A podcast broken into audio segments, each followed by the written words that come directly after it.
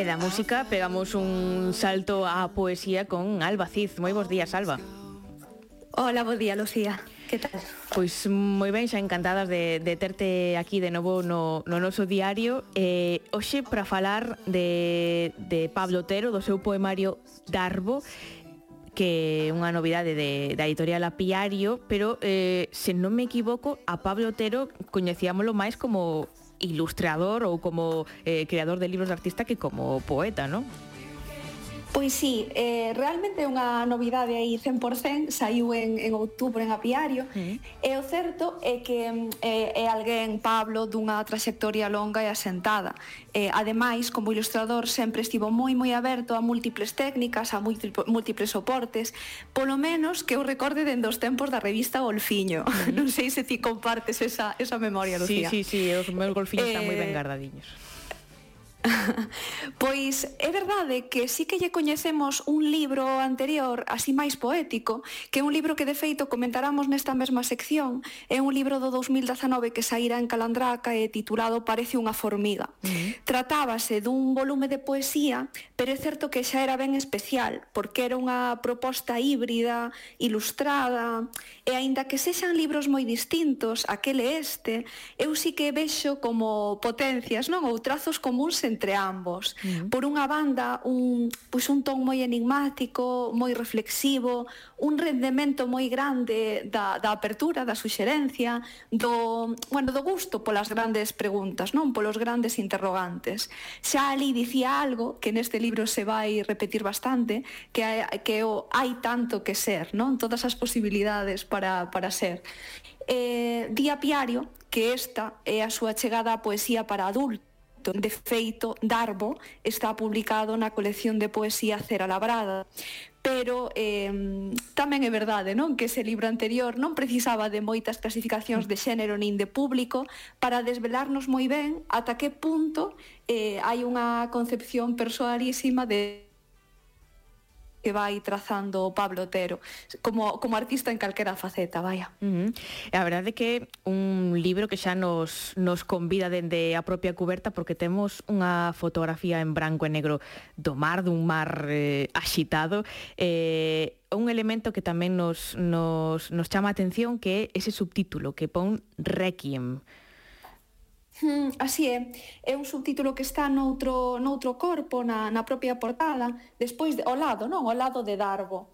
Vou comezar por lervos un poema precisamente dunha das últimas seccións do libro, mm. porque creo que este poema nos pode levar moi ben esa idea do Requiem e de como está tratado aquí, non este Requiem.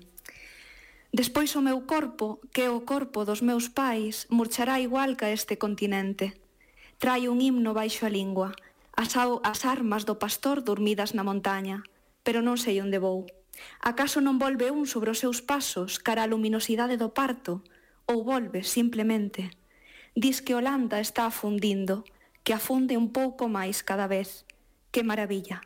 Todos os cadros no carro atrapado na lama. Eh, entón, algo hai aquí disto, non? Mm. Nese murchar, non? Nese, nesa conciencia de todo o perecedoiro.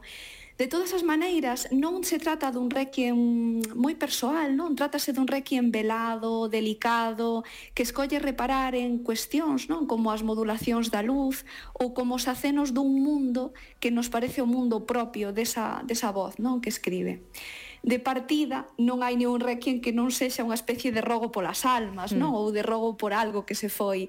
Eh, os requiem sempre están inseridos nunha cerimonia do recordo e recordar ten aquí un peso moi importante. Eh, por darvos algunhas pistas, por exemplo, recórdase a familia. Nunha das primeiras seccións, eh, dinos, coa axuda do meu avó conseguimos meter a eclipse de sol no caldeiro da auga, unha vez xa non están, marcharon os dous hai tempo, eh, entendendo que se refire aí ao avó e máis a nai. Sí. Recórdanse tamén os lugares, recórdanse as laranxas que van reaparecendo como un símbolo ao longo do libro, incluso os croios de río, eh, que parecen mudar de tamaño, que parecen medrar.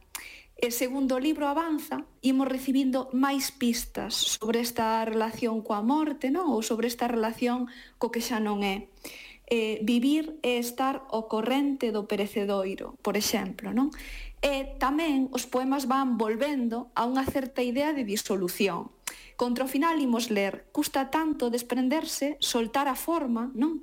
Esa idea de soltar a forma ou de intentar ser outras cousas, como vos anunciaba ao inicio, mm. é algo que parece coser o libro, porque está ao principio, está ao final do poemario, está nun verso que di deixei a porta entornada por se queres ser a madrugada, e tamén está, contra o final, noutro que di, na claridade, nada semella ser tan ditoso como a perfección de non ser.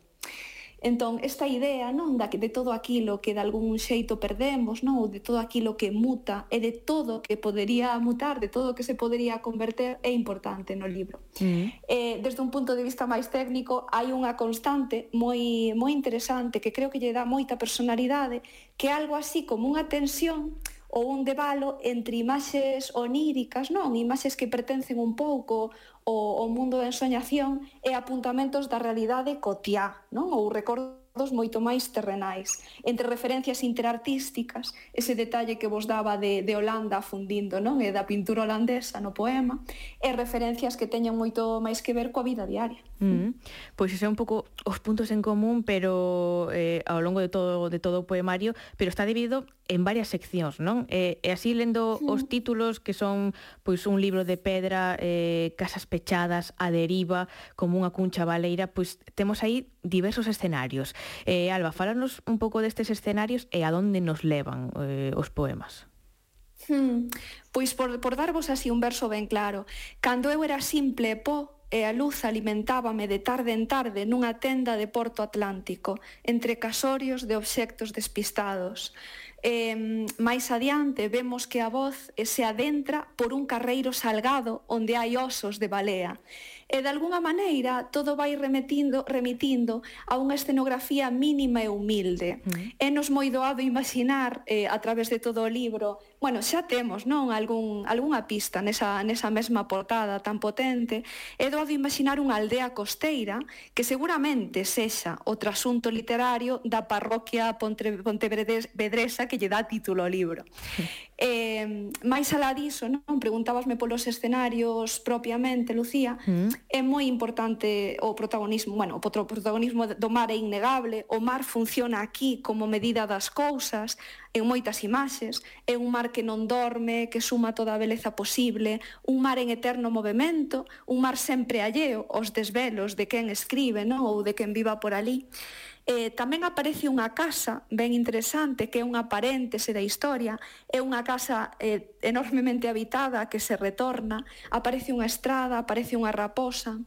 E é certo que destes cadros nos que nos vai introducindo pouco a pouco, importa moito a mirada sobre o lugar, porque ao final temos a sensación de que estamos ante unha malla finísima, non? na que todo está interrelacionado.